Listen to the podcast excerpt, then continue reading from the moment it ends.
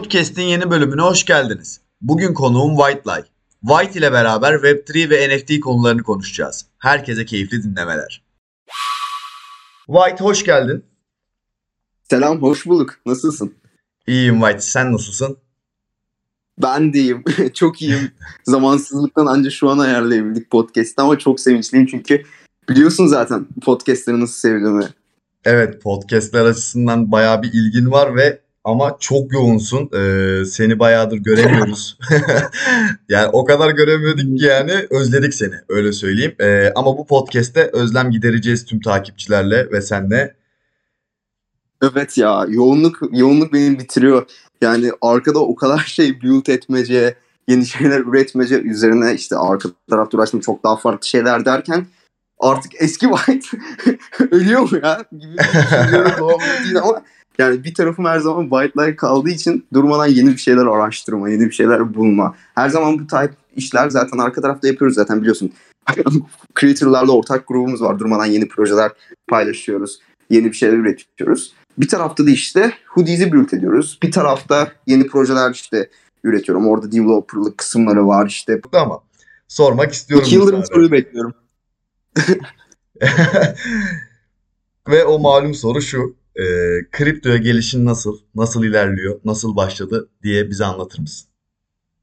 Ya benim kriptoya girişim e, diğer böyle kişiler gibi işte nasıl anlatayım işte kriptoda bir şeyler dönüyormuş burada yeni bir yenilik var işte burada bir hadi Binance indireyim alayım tarzında değil de zaten Satoshi'nin ilk amacı olan para transferi konusunda ben kriptoya giriş yaptım. Yani ilk yaptığım işlem direkt evet ben burada bir para transfer edebiliyorum o zaman ben kriptodan transfer edeyim modunda bir şekilde girdim ve işte yaptığım işte bir ödemeyi işte buradan kriptodan aldım derken bir anda bu ekosistemin içerisinde buldum kendimi 2017'nin başlarında. Ee, bu süreçten 2-3 ay sonra da mining'de tanıştım. Derken bir anda mining'e başladım zaten. Ee, işte ilk iki ekran kartı aldım derken bir anda 3 oldu, 4 oldu, 5 oldu derken şu an buralara kadar geldi süreç. Kısacası kripto ile, kripto ile tanışma hikayem buydu. Ve merge sonrası sattın galiba bütün ekran kartlarını. yani keşke ve şimdi satsaydım demiyorum. Yani bu okuyayım ya şu an. Hepsi kitli. Ya zaten... Bazıları landing'de, bazıları işte USDC olmuş durumda zaten hala sırada. İşte bazıları bir yıl önce DOT oldu. Bazıları Cardano olmuştu. Onlar satılı BUSD oldu. Yani onlarca şeye dönüştü zaten onlar. Ancak e, Ethereum her zaman benim için çok ayrı bir nokta kalacak yani. Ve Ethereum. her zaman da tutacağım. Ethereum hepimiz için bambaşka bir e, kripto para diyelim zaten. E, bu peer to peer'dan bizi blockchain içerisinde diyepler yaratmaya uzanan e, bir yolculuk yaratan bir e, kripto para diyelim aslında Ethereum için. Ya yani bu bizim için e, Aynen öyle. geleceğin inşa edilmesi demek ve Ethereum o yüzden çok bağlıyız ve seviyoruz. Ve benim için Ethereum evet. aslında mesela kimse bunu konuşmasa da benim için Ethereum X, Y ekseninin Z noktası. Yani aslında üçüncü boyutu benim için Ethereum. Çünkü aslında bir üçüncü boyut yarattık orada Ethereum sayesinde. Ve üçüncü boyutta da her bir işte eksi birde, eksi ikide, eksi üçte ve artı bir, artı iki, artı üç eksenlerinde yeni bir projeler, diye app'ler yaratmaya başladık ve böyle bir görüntü oluşturdu aslında benim ekosistem. Şu an mesela sen dedikten sonra ekosistemi kısacası böyle bir simülize ettiğimde. Aynen kafamızda bir simülasyon yarattığımızda aslında Ethereum'un karşılığı tam senin açıkladığın gibi yani e, hı hı. Ethereum'la aslında daha başarabildiğimiz yani topluluk olarak bahsediyorum. Topluluk adına bahsediyorum. Başarabildiğimiz şeylerin yarısına bile gelmediğimizi düşünüyorum. Daha çok şey başarılacak, daha çok şey değişecek Ethereum'la beraber diye düşünüyorum. Böyle ve... bir gerçek var. Ee, mesela buna değinelim ondan sonra konumuza geçelim. ee, şu anda ekosistemde çok az kişi var. Mesela biz şu an Web3'den bahsedeceğiz. NFT'lerden bahsedeceğiz ve OpenSea'de şu an kayıtlı olan 1.6 milyon adet cüzdan var. Ve bu 1.6 milyon adet cüzdanın 28 adeti benim cüzdanım. 20 adeti Floki'nin cüzdanı. 30 adeti farklı birinin 15 cüzdanı. tane de bana Belki yazabilirsin. 15 tane de benim var. 15 adet de senin cüzdanın derken kısacası ekosistemde gerçekten çok az kişi var. Yani e, ister istemez çok az kişi var. Bu nedenle de dolaylı yoldan bu insanları buraya çekersek hem onların fikirleriyle birlikte daha büyük şeyler yaratılabilecek hem de aynı şekilde yaratılan şeyler çok daha büyük bir kar topuna dönüşecek. ve sonucunda umuyoruz ki herkes karşılıklı olarak kazanacak diyelim ve konumuza geçelim. Aynen öyle. Bugünkü konumuz Tamamdır. E, Web3 ve NFT'lerin real life entegrasyonu. Real life'ı belirtelim. Gerçek hayata entegrasyonları olarak belirteyim. Konumuz bu özelde ilerleyecek. İlk soruyu sorayım istiyorsan. Ee, Web3 Real Life NFT entegrasyonu aslında zaten gündelik hayatımızda e, bunun örneklerini Web 2'de yaşadığımızın Web3 hali. E, şu an birçok sektör bunu her sektörü ayrı ayrı değerlendirmemiz lazım. Müzik sektörü, film sektörü ayrı. Ticaret sektörü bile çok ayrı değerlendirilebilecek nokta ve bu sektörlerin tek bir ortak noktası var problemleri olması ve ve eğer biz bu problemleri Web3 ile çözebiliyorsak işte buna biz entegrasyon deriz. Örnek veriyorum müzik sektöründe telif hakkı bir sorun teşkil ediyorsa veya örnek veriyorum ticketing, ticketing servisler bir sorun teşkil ediyorsa veya filmde örnek veriyorum middlemanler, film sektöründe middlemanler bir sorun teşkil ediyorsa ve biz bu sorunları NFT'ler ile veya Web3 ile herhangi bir e, utility ile çözebiliyorsak evet biz bu ikisini birleştirerek sorunu çözersek bir entegrasyon yaratmış oluruz ve dolaylı yoldan şu an bu sektör dışında yani e, Web3 sektörü dışında olan 7 milyon insanı buraya dahil etmiş oluruz ve bu da aslında bize 7 milyon insan kazandırır. Bu da demek olduğunu zaten sizler çok iyi biliyorsunuz. Aslında ben şunu anlıyorum. Kronik sorunlar var Web2'de ve bu kronik sorunları Web, Web3 ve NFT Real Life entegrasyonuyla beraber çözebileceğimize inanıyorsun. Ben de aynı şekilde inanıyorum. Yani tam olarak bu aslında. Yani kronik Ee, sorunları kronik halledebileceğimiz bir şey. Aynen. Aynı şekilde kronik sorunlar var. Sorunların dışında kolaylaştırabileceklerimiz var. Ve kolaylaştırmanın dışında hem kolaylaştırıp hem de kolaylaştırmamızla birlikte yapabileceğimiz daha farklı şeyler var. Örnek veriyorum tamamen. Bunu bir Space yayında da örnek vermiştim. Mesela örnek veriyorum uçak biletleri. Bunu mesela eğer biz NFT'lerle birleştirirsek hem şunu katmış oluruz. Uçak biletlerinin en önemli özelliği aslında insanların bir ana sahip olması. Siz örnek veriyorum çok hayal ettiğiniz bir şehre gittiğiniz zaman bunu sallıyorum New York'a gidiyorsunuz mesela. New York biletinizi çoğu kişi saklar. Saklamasının nedeni aslında o biletin bir an teşkil etmesi. Yani o bilete baktığında New York'a hatırlayacak olması. Ve eğer biz bu bileti NFT ile birleştirerek ve bunu bir aktif metadata'ya dönüştürürsek uçağa bindiği anda örnek veriyorum metadata maviye dönüyor. Yani aslında Evet. e, access olmuş yani uçağa binilmiş gösteriyor. E, check-in yapılmış gösterildiği bir metadata düşünelim. Tamamen böyle bir metadata. Ve günün sonunda bu her zaman değiştirilemez olmasından kaynaklı her zaman var olacak. Siz bileti yaktınız veya bileti kaybettiniz. Kimsenin umurunda değil. O bilet artık sizin cüzdanınızda. Ve o bilet aslında sizin yani tamamen sizin o anılarınız o NFT'nin içerisinde. Ve günün sonunda böyle bir yer yaratılmış oluyor. Ve aslında sadece bununla bitmiyor. Örnek veriyorum şu an bu yarattığım en basic fikir. Zaten şu an hali hazırda olan normal A4'e ticket basma servisinin sadece biraz daha değiştirilmiş hali. Ama bunu biraz da uçuşturursak veya yeni fikirlerle birleştirirsek örnek veriyorum şu an bu fikirleri oluşturuyorum. Biz örnek veriyorum bir tane havalimanı şirketi. Bu havayolu şirketleri örnek veriyorum 10 tane bileti olana, 10 tane uçuş geçirene %10 discount diyor. 20 tane bileti olana %30 discount diyor veya herhangi bir miktarda promosyon diyor veya herhangi bir utility tanıyor. Kısacası aslında bir seviye sistemi geliştirmiş oluyor ve bunu da satılan NFT'leri dashboardlarında e, access ederek, verify ederek, sahipliğinizi doğrulayarak kazanıyorsun. Ve size bir rol atıyor. Mesela bu şu an tamamen Web3'nin Web2'ye kazandırabileceği çok basic bir utility ve dolaylı yoldan community yaratmak aslında. Mesela e, bu noktada da işte NFT'lerin community yaratma gücünü kullanmış oluyoruz. Kısacası durum bu. Şeyi de çok güzel e, özetledin aslında. Yani bu konuyu özetlemekten ziyade şey geldi aklıma. Sen dedin yani e, bu metadata e, saklanıyor ve kaybolmuyor. Asıl Aynen önemli öyle. olanlardan biri de merkeziyetsiz bir yerde saklanıyor. Evet. Seni yani bu, Ve bu her uçak biletinin var oluyor. evet bu uçak biletinin verisi metadatası Ethereum blockchain'inde saklanıyor on-chain yapılırsa veya Hı hı.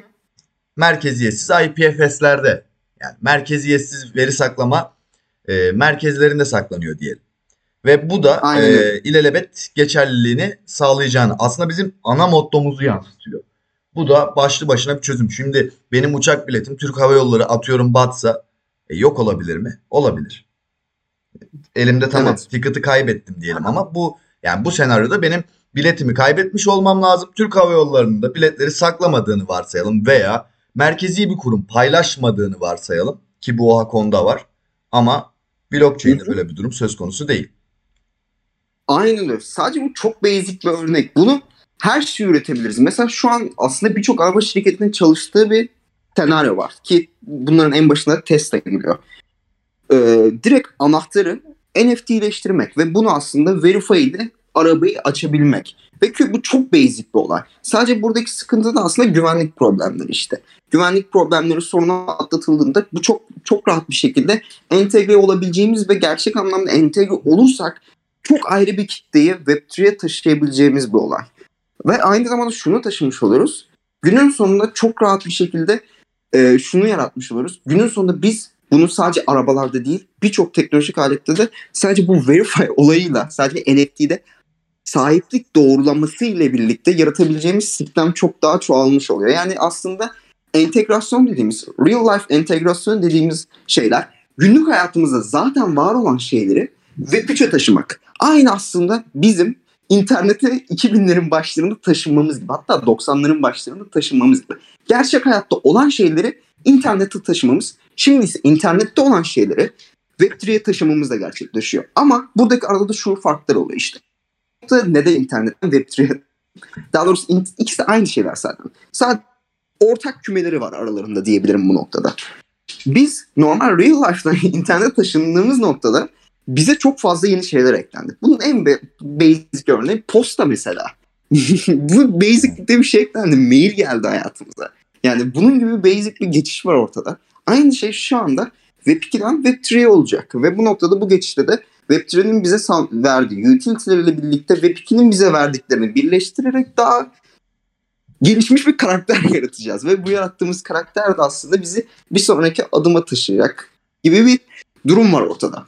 Web3'nin en büyük meyvesi de bana göre şu ana kadar NFT'ler. Yani görebildiğim Aynen en büyük öyle. meyve. Yani ilgilendiğim için demiyorum bunu. bunu. Ben yani bana göre NFT'ler en büyük. Fotoğrafında Azuki için yani normal. profil fotoğrafımda Azuki var yani. Tabii ki de NFT'ler en büyük meyvesi. ya NFT'lerin olmasının daha doğrusu NFT'ler olarak düşünmemizin de birçok nedeni var. Mesela bunu hadi diyelim NFT'ler diye geçiştirmek çok da doğru değil. Çünkü şu an bu burada bu noktada işte bu entegrasyonda NFT'lere önem vermemizin nedeni çok daha basic bir fikir ve gerçek anlamda çok daha rahat bir şekilde hayata geçirebileceğimiz bir noktada oluyor olması.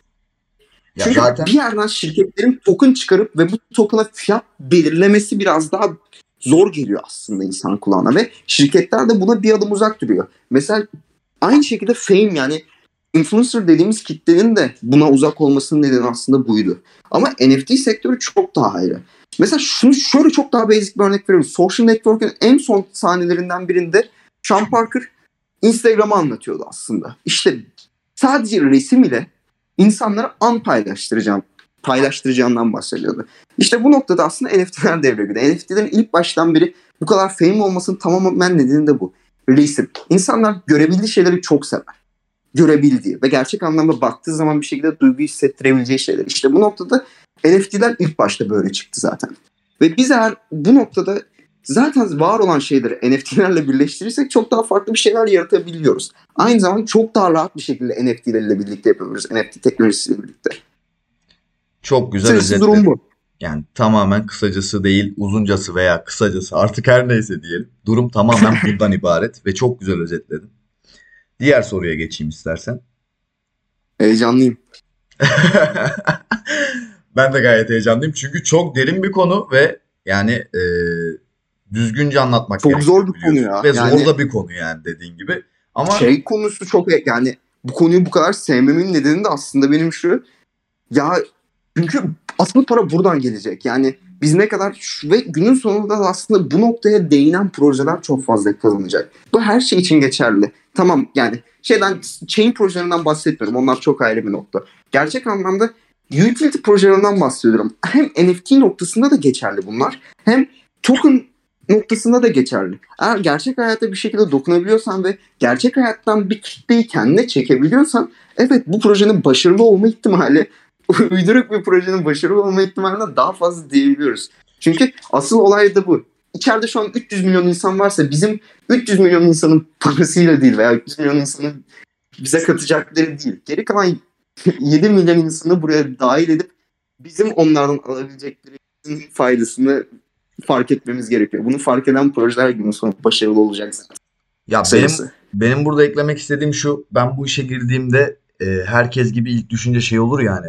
Ya bu bir resim. Ama araştırdıkça sonra yani veya detaylar ortaya çıkar. Yani bir fotoğraf veya bir resim diyelim. Buna neden bu kadar para verilir dendiğinde az önceki dediklerine şunu eklemek istiyorum. İlk gördüğünüz gibi değil. Ee, burada aslında senin de anlatmak istediğin tam olarak e, şöyle özetlemek istiyorum ben. Sürdürülebilir, aynı zamanda katma değer sağlayan projeler. Önce katma değer sağlanacak, ondan sonra katma değer sağlamak da yetmiyor bana göre. Ee, yani gider bir play to earn proje yaratırım, katma değer derim ama altında bir ponzi yatar. Ee, bir kat, yani katma değer veririm ama sonu yok. Sürdürülebilir çok önemli burada. Sürdürülebilir bir proje olması lazım ve bunun da matematiği e, tokenomics'lerden vesaire diğer metriklerden geçiyor. Bunların hepsinin e, iyi bir mühendislikle üretildiği yerlerde zaten Web 3'te, Web 3'de, e, NFT'de bir devrim zaten. Aynen öyle. Ama demek değildir ki mesela bu noktada şu demek değildir ki her zaman image sadece karakter olan NFT'ler çöp olacak demek değildir. Her zaman var olan bazı şeyler olacak. Image projeleri, PFP projeleri var olacak. Ya, Ve bunlar da her zaman var olmak zorunda zaten. Ya, Azuki... bunlar da var olmak zorunda zaten. Çünkü e, genel olarak community'nin gerçek anlamda sevdiği karakterler oluşturmuş oldu. Bunlar aslında bir film gibi düşünebilirsiniz bunu. Bir karakterler oluştu. Community bu karakterleri çok sevdi ve bu karakterler artık bir e, rol oldu. Yani, yani bir Azuki'ye sahip diyor ya Floki. Aynen öyle.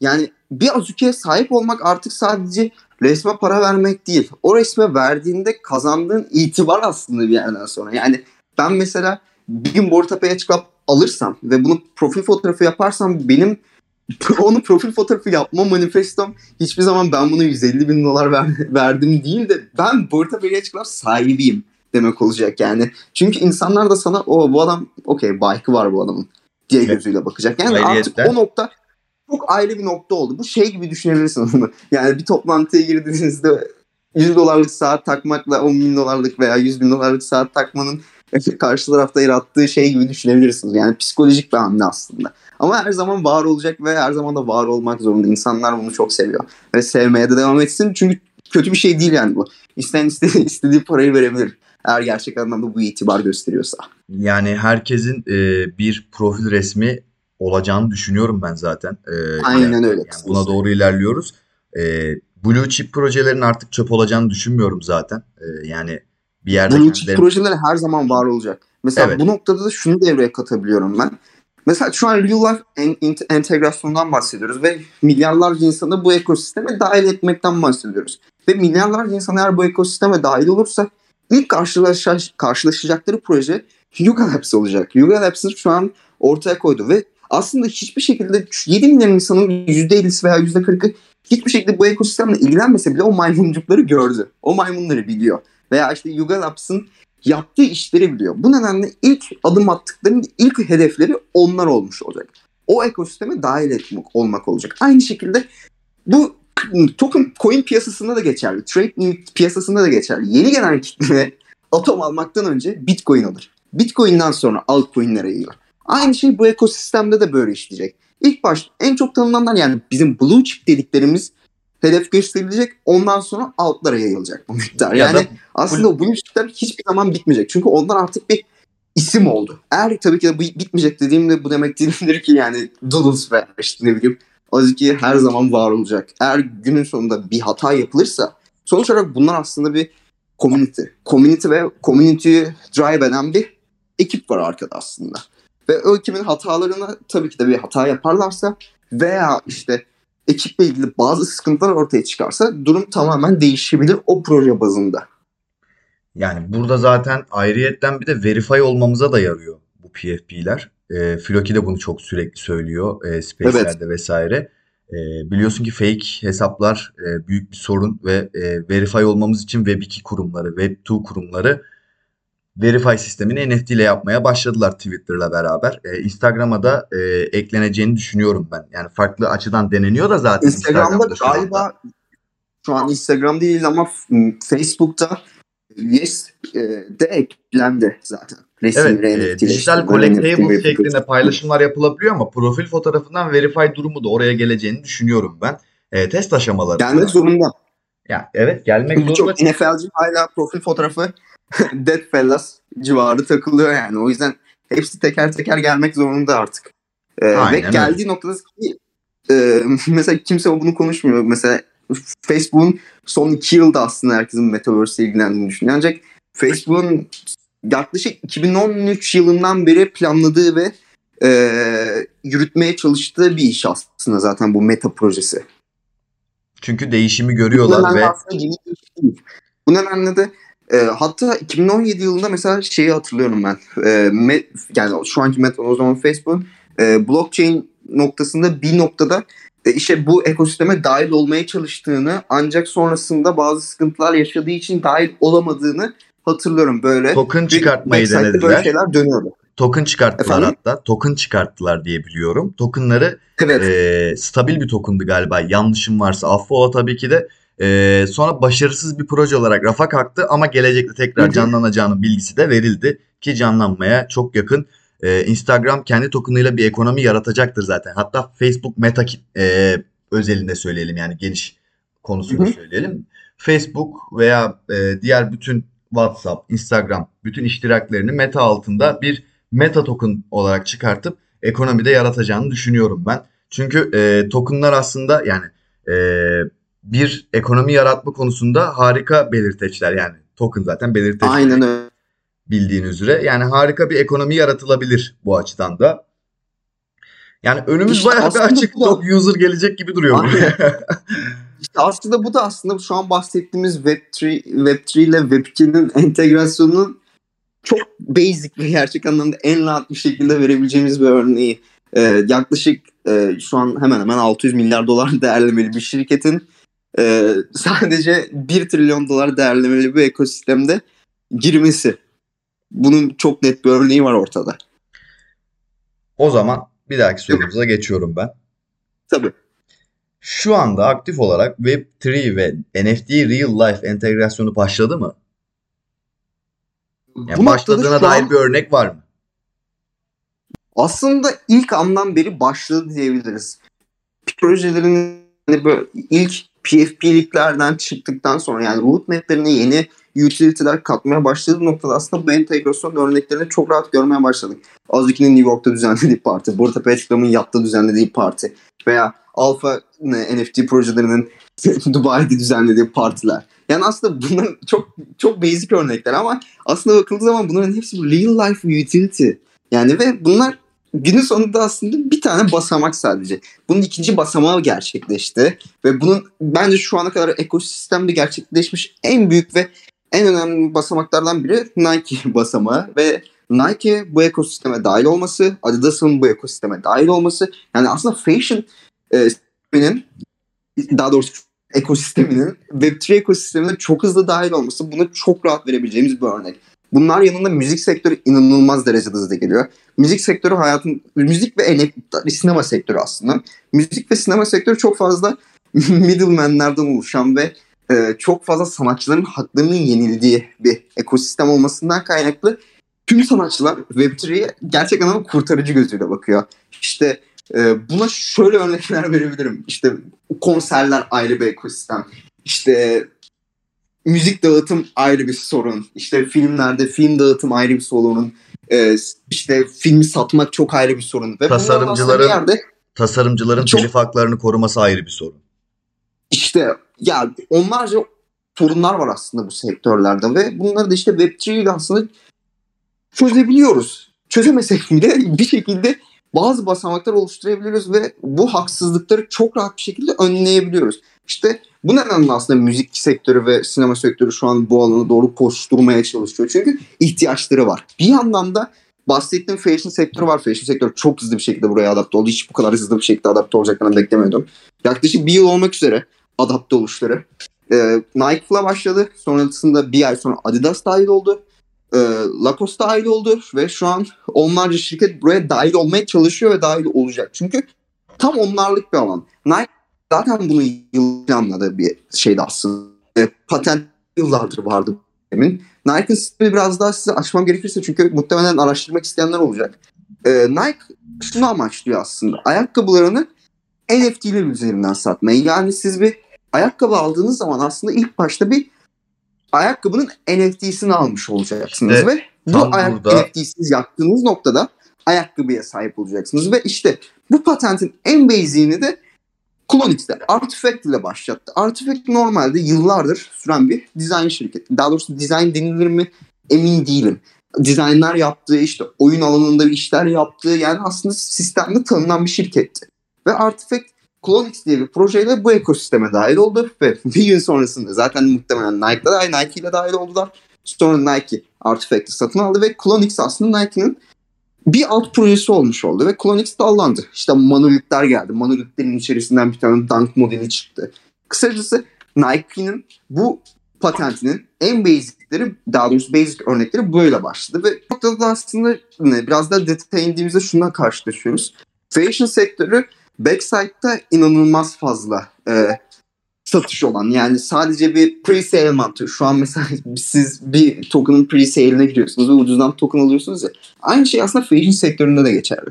Fashion sektöründe fashion ekonomisinin %40'ından fazlası resellcilerden oluşuyor. İşte 200 dolara ayakkabı alıp 2000 dolara ayakkabı satmalar. 300 dolara o yıllık çok özel bir seriyi toplayıp hemen onu 3000 dolara satmalar. Ve bunun gibi onlarca reselllerden oluşuyor. Ve işte bu ekosistem bunu çok daha rahat bir şekilde sorunlarını çözebiliyor. Peki bu sorunları ne? Verification yani aslında orijinallik sorunu. Sen bunu NFT'lerle çözebiliyorsun.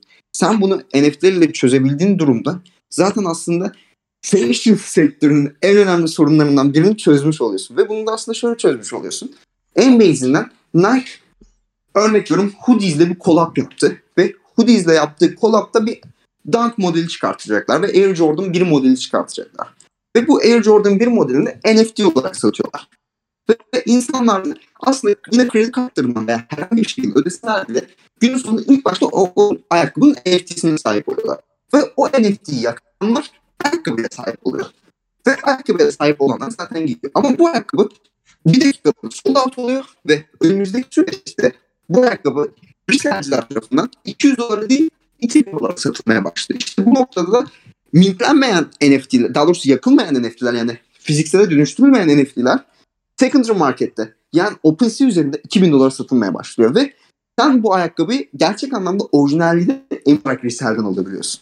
İşte böyle bir ekosistem yaratılmış oluyor bir noktada. Ve sadece burada kalmıyor.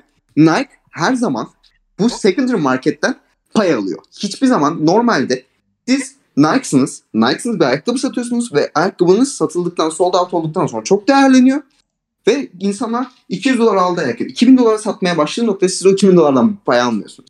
Ama burada artık bir pay alıyor. Yani aslında herkes için bir karlılığı ve şirketlerin tam olarak şirketlerlik bir sistem yaratılmış oluyor bu noktada. Sadece bunu şey olarak düşünmeyin. İşte evet şu an ben bir ayakkabı şirketi örneğinden verdim. Ancak bunu bir ticketing servis örneğinden bile verebilirim. Konser biletleri var. Konser sanatçılar çok ünlü ve konser sanatçıları günün sonunda bir iş yapmaya başlıyor ve çok ünleniyorlar. Günün sonunda bir konser vermeye başlayacaklar. Konser biletleri sold out oluyor ve konsere gitmek isteyenler ama konser biletine yetişemeyenler daha doğrusu alamayan kesim konsere biletini alan kesimler biletleri almaya başlıyor ve secondary market yaratıyorlar. Şu anki sistemde konser şirketleri daha doğrusu işte e, event şirketleri bu konser biletlerine hiçbir pay alamazken Web3 ile artık alabiliyorlar. Yani aslında kara borsayı çözmüş oluyorlar. Ve kara borsadan değil don payla daha fazla para kazanıyorlar. Ve muhtemelen şöyle bir şey ortaya çıkacak bu birleşmenin sonucunda da artık e, konser biletlerinin secondary market'te yaptığı size yani aslında volüm e, normal bilet satışında yaptığı volümden daha fazla olmuş olacak. Çünkü o konser artık bir an olarak kalacak ve sonsuza kadar bir değer taşıyacak. O konserde yaşanılanlar işte ne bileyim o konser her zaman bir şekilde aslında sanatçının bir simgesi, sanatçının kendi NFT'si olmasından kaynaklı sonsuza kadar var olacak ve sonra sen konser bitse bile o NFT'nin yani aslında o biletin bir değeri olmuş olacak kısacası. Çok güzel özetledin. Ama Ve biraz uzun oldu. olsun. Çok Ee, özetleyebilmiştim yani bu tarz zor konular zaten uzun özetlenebilir. Yani ki 5-6 dakikada uzun bir süre değil bunu özetlemek için bana göre. Şimdi sen bunlardan bahsedince ben biraz e, üzüldüm. Çünkü bu Artifact'tan önce e, ben e, bu ayakkabılarla alakalı bir proje düşünmüştüm. Aynı Artifact'ın Nike e, projesindeki gibi yani Nike'ın aldıktan sonra yaptığı gibi e, ayakkabı NFT olarak veriliyor kullanıcıya. Bu direkt olarak yollanıyor. Yani fizikseli yollanıyor. E, bunu düşünmüştüm. Ama yani Türkiye'de olmamdandır belki veya benim ekibim olmamasındandır veya yatırım alamamamdandır dolayı biraz da bilgisiz olmamdan dolayı o zamanlar yapamamıştım bunu. Ama ondan sonra ben bunu düşündükten sonra Artifact ve Nike birleşiminde bunu görünce çok üzülmüştüm. Yani biliyorsun ki bu projeler, bu tarz projeler ilk yapanlar genelde üste çıkarlar. Yani belki de Artifact'ta biz yap atıyorum senle bunu ben yapabilsem biz satıyor olabilirdik. Ya fakat bu projeler üzerinden türevler de üretilebilir. Mesela ben farklı bir türevini üretmiştim zaten. Birebir aynısı değildi. Ee, farklı bir türev çıkarılabilir. Atıyorum e, ayakkabı projesini yapıyorsun ama türev olarak farklı bir şey ekliyorsun. Farklı bir özellik ekliyorsun içine. Yani uçsuz uçak bucaksız aslında. ilerleyebilir, değiştirilebilir. Ticket açısından. Mesela yani şu an hep ticket ve ayakkabıdan örnek veriyoruz ama yani bu araba kiralamada da olacak, ev alırken de olacak. Bu yani çok büyük bir alan. Dokunabileceği yani, kadar her yere dokunacak bu sistem bana göre. Adidas da aslında PFP projesi olarak çıkmadı. ERC 1155 üzerinde tek bir NFT yarattılar ve bunları da Phase 1, Phase 2, Phase 3, Phase 4 olarak 4 bölüme ayırdılar ve 4. bölümün sonunda da bunu dediler ki biz zaten Yuga Labs'le ortak bir şekilde bu projeyi yapıyoruz. Bu ekosisteme dahil oluyoruz. Ve biz dördüncü phase'in sonunda da yani aslında dördüncü aşamanın sonunda da bir PFP projesi yani bir e, karakter projesi yaratacağız ve biz bunu size airdrop edeceğiz. Ve bunu free olarak mintleyebileceksiniz. Ama bu süreçte de siz bizim phase'lerimizde biz size fiziksel ürün vereceğiz. Şu an Phase 2'de ne açılacak? Şu ana kadar Phase 1'den Phase 2'ye geçtik. Phase 2'den Phase 3'e geçtiğimizde neyle karşılaşacağımızla ilgili en küçük bir fikrimiz yok. Ama yine muhtemelen bir fiziksel ürün olacak. Ve bu noktada da işte şunu yaratılmış oluyor. Evet e, günün sonunda bu entegrasyon sonucu fiziksel ürünlerle işte NFT'ler exchange ediliyor. Ama bir yandan da şirketler bu ekosistemde community yaratmaya odaklanıyor. Bu nedenle de PFP projeleri yaratıyorlar. Çünkü PFP projeleri direkt bir community yaratan bir sistem ve ister istemez burada kendi PR'ını döndürebildiğim bir sistem. Çünkü Yuga Labs ile Adidas'ın ortak bir şekilde PFP projesi yapması çok önemli bir detay. Şu noktada çok önemli bir detay artık bir şekilde Yuga hem Volta Page Club yani aslında Yuga Labs'ın NFT'sine sahip oluyorsunuz hem de Adidas ekosisteminde her zaman en üst level bir NFT'ye sahip oluyorsunuz. Ve bu noktada da aslında şu ortaya çıkmış oluyor. Community yaratmak artı e, real life utility artı Web2 şirketlerinin Web2'deki gücü bunların birleşimi aslında işte Web3 e, entegrasyonu yaratmış oluyor. Ve şirketler de bunları çok sevdiği için şu an bunlara odaklı ve merge olmuş oluyor aslında bunların hepsi ve sonunda sonunda e, şunu da eklemek istiyorum. Arayüzlerin düzeltileceğini bildirmek istiyorum kişilere. Şu anda bazı insanlar buraya geldiklerinde yeni user'lar buraya geldiklerinde arayüzler dolayısıyla geri dönüyor olabilirler. Ama bu arayüzlerin düzeltileceğine de e, eminim ve yani bununla ilgili çalışmalar olduğunu da biliyorum zaten. Arayüzler düzeltildikten sonra da zaten her şey daha kolay, daha anlaşılır ve daha basit yapılabilecek. Ve asıl e, amiyane tabirle film o zaman başlayacak diyelim. Ve güzel sohbeti. Mesela şey evet. sen zaten biliyorsundur hatta beni takip eden az çok kişi biliyordur. Ben UI yani aslında arayüz takıntılı bir kişiyim. Biliyorum çünkü de, biliyorum ben de öyle. Web sitesi. Ee, bir şeye ilk öyle dikkat ederim ben mesela bir protokole, Aynen. bir web sitesine ilk ona dikkat ederim. Çünkü arayüz kolaylığı aslında şu noktada çok önemli bir şey. Arayüz kolaylığını da geçtim aslında yani. UI ve UX olarak ayırmıyorum aslında. Bir şekilde arayüzün dizaynı çünkü arayüz eğer gerçek anlamda ekibiyse arayüzü gerçek anlamda çok iyi yapmaya odaklanıyorlar. Çünkü arayüzü ne kadar iyi yaparlarsa o kadar fazla kitleyi kendilerine çekebileceklerini biliyorlar. Bu nedenle arayüz aslında çok önemli bir detay ve arayüzü şu an çok sıkıntılı. açıkça söyleyeceğim çok sıkıntılı bir ekosistem. Şu an arayüzü çok iyi diyebileceğimiz bir dashboard var mı? Bence yok. yok. Yani, yani ben onu yok. şöyle söyleyeyim. Benim için var. Tam para kaybetmeye odaklı ama... bir sistem ya burası. Yani onu görüyorum evet. ben. Yani mesela, para kaybetmeye odaklı direkt. Aynen. Mesela bizim için var aslında. Ama yeni gelen insan için yok. Çünkü biz burayı alanı bildiğimiz ve bu alanda zaten yıllardır işlem yaptığımız için var. Ama sıfırdan gelen biri bu arayüzlere alışması çok kolay olmayacak. Bu nedenle arayüzleri en minimalize yani aslında en aptalı anlatıyor gibi arayüzler yapmamız gerekiyor. Ben burada bu noktadan aslında kazanmamız gerekiyor. Kaçmak istiyorum. Hoodies de bunun için var ve bizler de bunun için varız zaten. Ben bunu çevreme de öğretiyorum. İnsanlara anlat. takipçilerime de öğretiyorum ve bu podcast'i bunun için çekiyoruz zaten. Ve yani insanların aslında bize soru sormaya çekinmemeleri de gerekiyor. Ve şuna çok dikkat ediyorum. Bu konuda yani blockchain konusunda, NFT konusunda, Web3 konusunda herhangi bir şey yani bu sektörden insanlar çok tembel davranıyor. Ben e, real life'daki çevreme yani bunu ya bakın ben burada bir şeyler kazanıyorum ve maliyetsiz de yapabiliyorum bunları. Yapıyorsam da hani e, maliyet koyuyorsam da sıfıra indirebilecek şekilde ayarlayabiliyorum. Yani buralardan korkmayın diye ne kadar bahsetsem de tavsiye versem de çok tembel davranıyorlar. Yani 10 kişiye tavsiye veriyorsam 2 kişi gelebiliyor buraya. Çünkü- Onun birçok nedeni var. Bunun Evet. birinci nedeni anlayabildikleri bir sistem değil. Aslında anlayabilecekleri bir sistem ama ilk bakışta anlayabildikleri bir sistem değil. Çünkü gerçek anlamda anlaşılması çok zor bir sistem. Yani anlam koyulması, bir şekilde buna mana yüklenebilmesi de zor bir sistem. Yani neden sorusu çok fazla sorabileceğimiz bir açık durum var. Çünkü gerçek anlamda hala komut bir şekilde bakın burada bu oluyor. Sen eğer buraya gelmezsen bunu yapamazsın diyebileceğimiz bir ürün yok. Veya bak sen buraya gel bu zaman buna sahip olursun diyebileceğimiz bir somut ürün de yok. Yani zenginler için var. Borta Club'a sahip olabilirsin buraya gelirsen. Herhangi bir şeye sahip olabilirsin tarzı tarzı detaylar var ama en normal insan için yok yani işte. Bak gel buraya gel Adidas'ta işte şunu sahip olabiliyorsun işte. İşte Nike'da bunu alırsın alırsan garanti süresi şu oluyor işte. Authenticator yapabiliyorsun tarzı bir somutlukta bir e, ürünümüz yok aslında. Bu nedenle bunda çok zorluk çekiyoruz. İşte zaten bu podcast'in ana teması da bu sorunların ortadan kalktığı senaryoda yaşayabileceğimiz durum. Ve bu sorunlar ortadan kalkmak zorunda.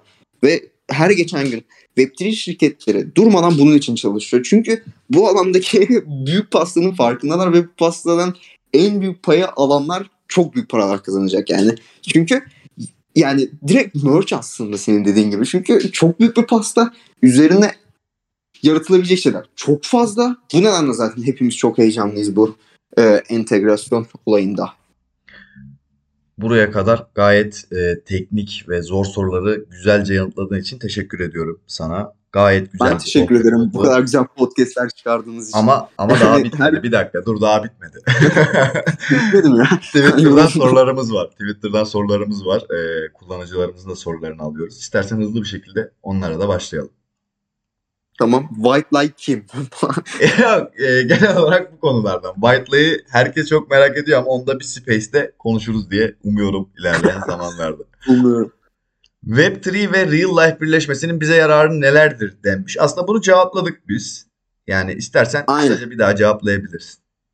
Kısacası özetlemek gerekirse aslında Web3 ile Real Life'ın entegrasyonunun e, çok ekosistemsel faydaları var ama genelde bölersek aslında işte facial noktasında authenticator işte bilet alım satımda e, kolaylık işte daha farklı bir şeye ev, işte evirirsem değiştirilemez utility'sinden kaynaklı e, bir an ana sahip olabilme bunun gibi onlarca seçenek. Tabii bu şu an bahsettiğimiz e, somutlukta örnekler. Ben Eğer şey örnekleri istersen. bu örneklerle Merkeziyetsiz bir güvenlik veriyor bize. Bunu da ekleyebiliriz.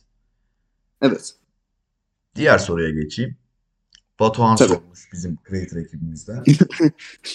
NFT'leri araba, ev gibi objeleri kiralamak için nasıl kullanabiliriz? Yani bir verify sistemi olabilir aslında burada. Oradan bahsedebiliriz. Bu noktada da işte aslında dediğim gibi metadatayı kullan kullanacağız. Ee, örnek veriyorum bir araba kiralayacaksınız ve araba kiraladığınızda da aslında e, o arabanın bir süresi var. Kiralanma süresi var. Örnek veriyorum 36 saat boyunca kiralayacaksınız ve geri kalan 12 saatte de arabayı teslim etme süreniz tarzı bir pay olduğunu düşünüyorum. Eğer 12 saat içerisinde arabayı teslim etmezseniz de işte bazı yaptırımlarla karşılaşacağınızı varsayıyorum. Bu noktada da aslında metadatada şunlar olacak. Mesela bunu araba anahtarına bile uygulayabiliriz. Eğer örnek veriyorum Tesla bir gün araba anahtarlarını e, developer yani open source yapar da böyle bir şey geliştirirse araba anahtarlarına uyarlayabiliriz Tesla'ları. İşte araba anahtarlarına böyle bir yazılım yükleriz ve bu noktada şununla karşılaşırız. İşte 36 saat boyunca anahtar çalış, 12 saat boyunca uyarı vermeye başla. İşte örnek veriyorum işte arabayı açtığında araba uyarı versin. Bağlandığında uyarı vermeye başlasın. Ve 12 saatin sonunda da işte arabayı kitle ve arabayı açamamışsın. Gibi gibi bir özellik. Ve aslında o NFT'yi devre dışı bırak. Yani sahibi olsan bile o NFT'nin bir özelliği olmasın. Bir sana bir faydası olmasın. Ve günün sonunda o araba eğer 12 saat içerisinde teslim edilmez konumu zaten belirlendiği için başka bir NFT otomatik olarak mintlenip e, o arabaya tanınıp hemen açılabilsin başka bir tarafından. Arka planda Anlatabildim bunu... mi? Veya bu evet. bu aslında çok basic bir Web2 araba kiralama şeyi. Nasıl anlatayım? Şirketinin yapabileceği bir e, durum. Bir de bunun aslında Martı diye bir gerçeği var. Yani Martı Evet, Martı diye bir gerçek da, var yani ama Martı'nın gibi evet. bir gerçeği var. İşte o noktada aslında bunu çok iyi kullanabiliriz. Ya burada QR kodlar da çok önemli olacak ve arka planda insanlara senin bu anlattığın çok karışık gelebilse bile ben şunu demek istiyorum sadece. Arka planda çalışan bir smart kontrat olacak. Yani akıllı sözleşme olacak. Bu akıllı sözleşme zaten tek tuşla her şeyi yapacak. Hatalara Aynen gebe öyle. olabilir mi? Tabii ki de olabilir. Hatalara gebe olabilir. Yani burada aslında tam derin bir noktaya gireceğim şimdi. Hatalara gebe olursa bir şeyleri değiştirmek şirkete aittir. Bu sefer merkeziyetsizliğe bir zarar oluyor. Ya o çok ayrı durumlar oluyor. o çok ayrı bir space'in konusu. Ne kadar merkeziyetsiz tartışması. Öyle bir konuya yani, giriyoruz ki yani buradaki podcast 500 dakika olabilir yani. yani öyle bir bu, durum oldu. Evet ikinci sezonu sadece buna ayırmamız gerekiyor. Aynen zaman, öyle. Yani çünkü hala bir sezon dediğinde haklısın. Hala çözülememiş tezler var. Ya bu konuda ayrışan insanlar var. Ne kadar aynı fikirdeyiz mesela biz seninle. Atıyorum biz seninle ayrılabiliriz burada. Gibi durumlar söz konusu. Tabii canım. Ee, çözülememiş, netlik kazanamamış ve hiçbir zaman netlik kazanamayacak durumlar söz konusu olduğu için oraya ilerlemiyoruz. Ama Batuhan'ın bu güzel sorusu için Batuhan'a da teşekkür ediyoruz. Gayet güzel bir soru. Bayağı iyi soru. 0x Selo abimizden de bir soru gelmiş. O da bizim creator ekibimizden. Hoodis'te. NFT'nin seçimlerde kullanımı olabilir mi? Seçim güvenliği için pozitif hı hı. olduğu kadar gizli oylama açık sayım kuralına nasıl entegre edilebilir diye sormuş. Bence bu soru için çok erken karar vermek için. Çünkü avantajlı olduğu noktalar var. Güven sıkıntısı çekilebilecek birçok nokta var.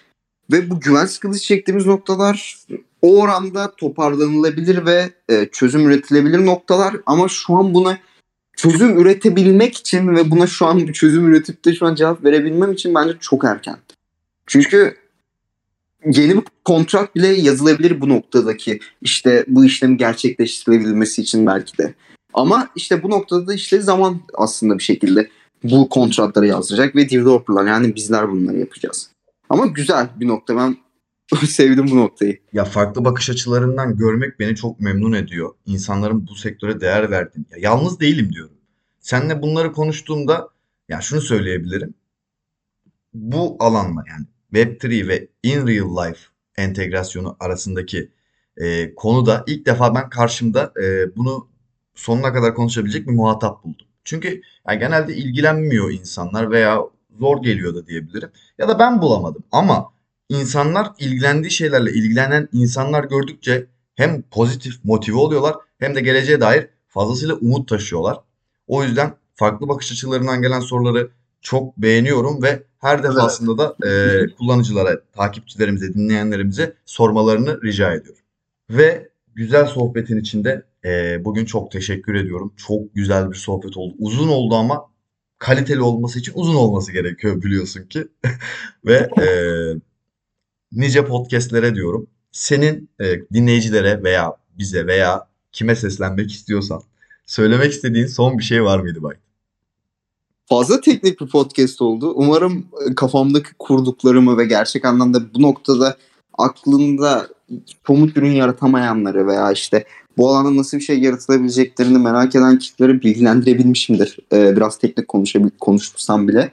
Ama bildiğim kadarıyla Ogi Chain'in e, burada yaptığı Hood podcastlerde e, yaptığı işte teknik konuşmalarda bahsedilen kelimeleri Medium'da sözlüğe dönüştürüyor. O noktada da işte E, o noktada da faydalanabilirsiniz. E, işte bahsettiğim kelimelerden veya işte kafanıza takılan durumlar varsa. Eğer e, bunlara da geçiyorum. Eğer kafanıza takılan soru veya herhangi bir şekilde acaba bunu yaratabilir miyiz? Bir fikir veya e, aklınıza gelen bir proje veya bu noktada dikkatinizi çeken bir proje var. Discord kanallarımıza girip e, orada hem bizim komünite, komünitelerimizle beraber e, bu konuyu konuşabilirsiniz veya yeni bir e, proje konuşabilirsiniz. Keşfettiniz veya bize sorular sorabilirsiniz. Creator ekibimiz 724 orada sizin tüm sorunlarınızı cevaplar. Ogi Chain zaten bunun için e, bugün sabaha kadar e, hem Medium'da hem Spotify'da hem Podcast'te hem Premiere'de mesai yapacak. Bütün Ogi Chain çalışıyor ya. Ogi Chain belediyesi çalışıyor e, diyelim. Hoodies'li yani Hoodies için her şeyi yapıyoruz zaten biliyorsun. İnsanlara katkımız olsun yeter. E, herkes sevdiği işi yaptığında isterse sabaha kadar çalışsın, isterse geceye kadar. Hiç önemli değil. E, gayet eğlenceli oluyor. Ben tekrardan teşekkür ediyorum buraya geldiğin için. Çok güzel bir sohbet ben oldu. rica ediyorum. Ve senden herkese karşı bir söz almak istiyorum. Bu konuyu Space'te kullanıcı alarak da beraber yapmaya ne dersin? Ee, yapalım. yapalım. Çok yoğunum. En sevdiğim iş ya Space konuşalım. Herkesin sorularını cevaplayalım. Hatta hep beraber olalım tüm Hoodies Creator ekibi bizler. Aynen öyle. Ben, Yetkin, Uğurcan, Hatley. Hep beraber olalım, konuşalım. Çünkü konuşabileceğimiz, aklımızda onlarca fikir var yaratabileceğimiz sistemde. Bu konu Hep özelinde, beraber olmak çok iyi olur. Bu konu özelinde Space'in düzenlemesi bende. Müsait zamanlarınızı bulup bununla ilgili hafta içi bir gün akşam Space açıyoruz ve e, bu cümlemden sonra herkese teşekkür edip e, programı sonlandırıyorum. Bizi dinleyen herkese teşekkür ediyorum. İyi günler diliyorum.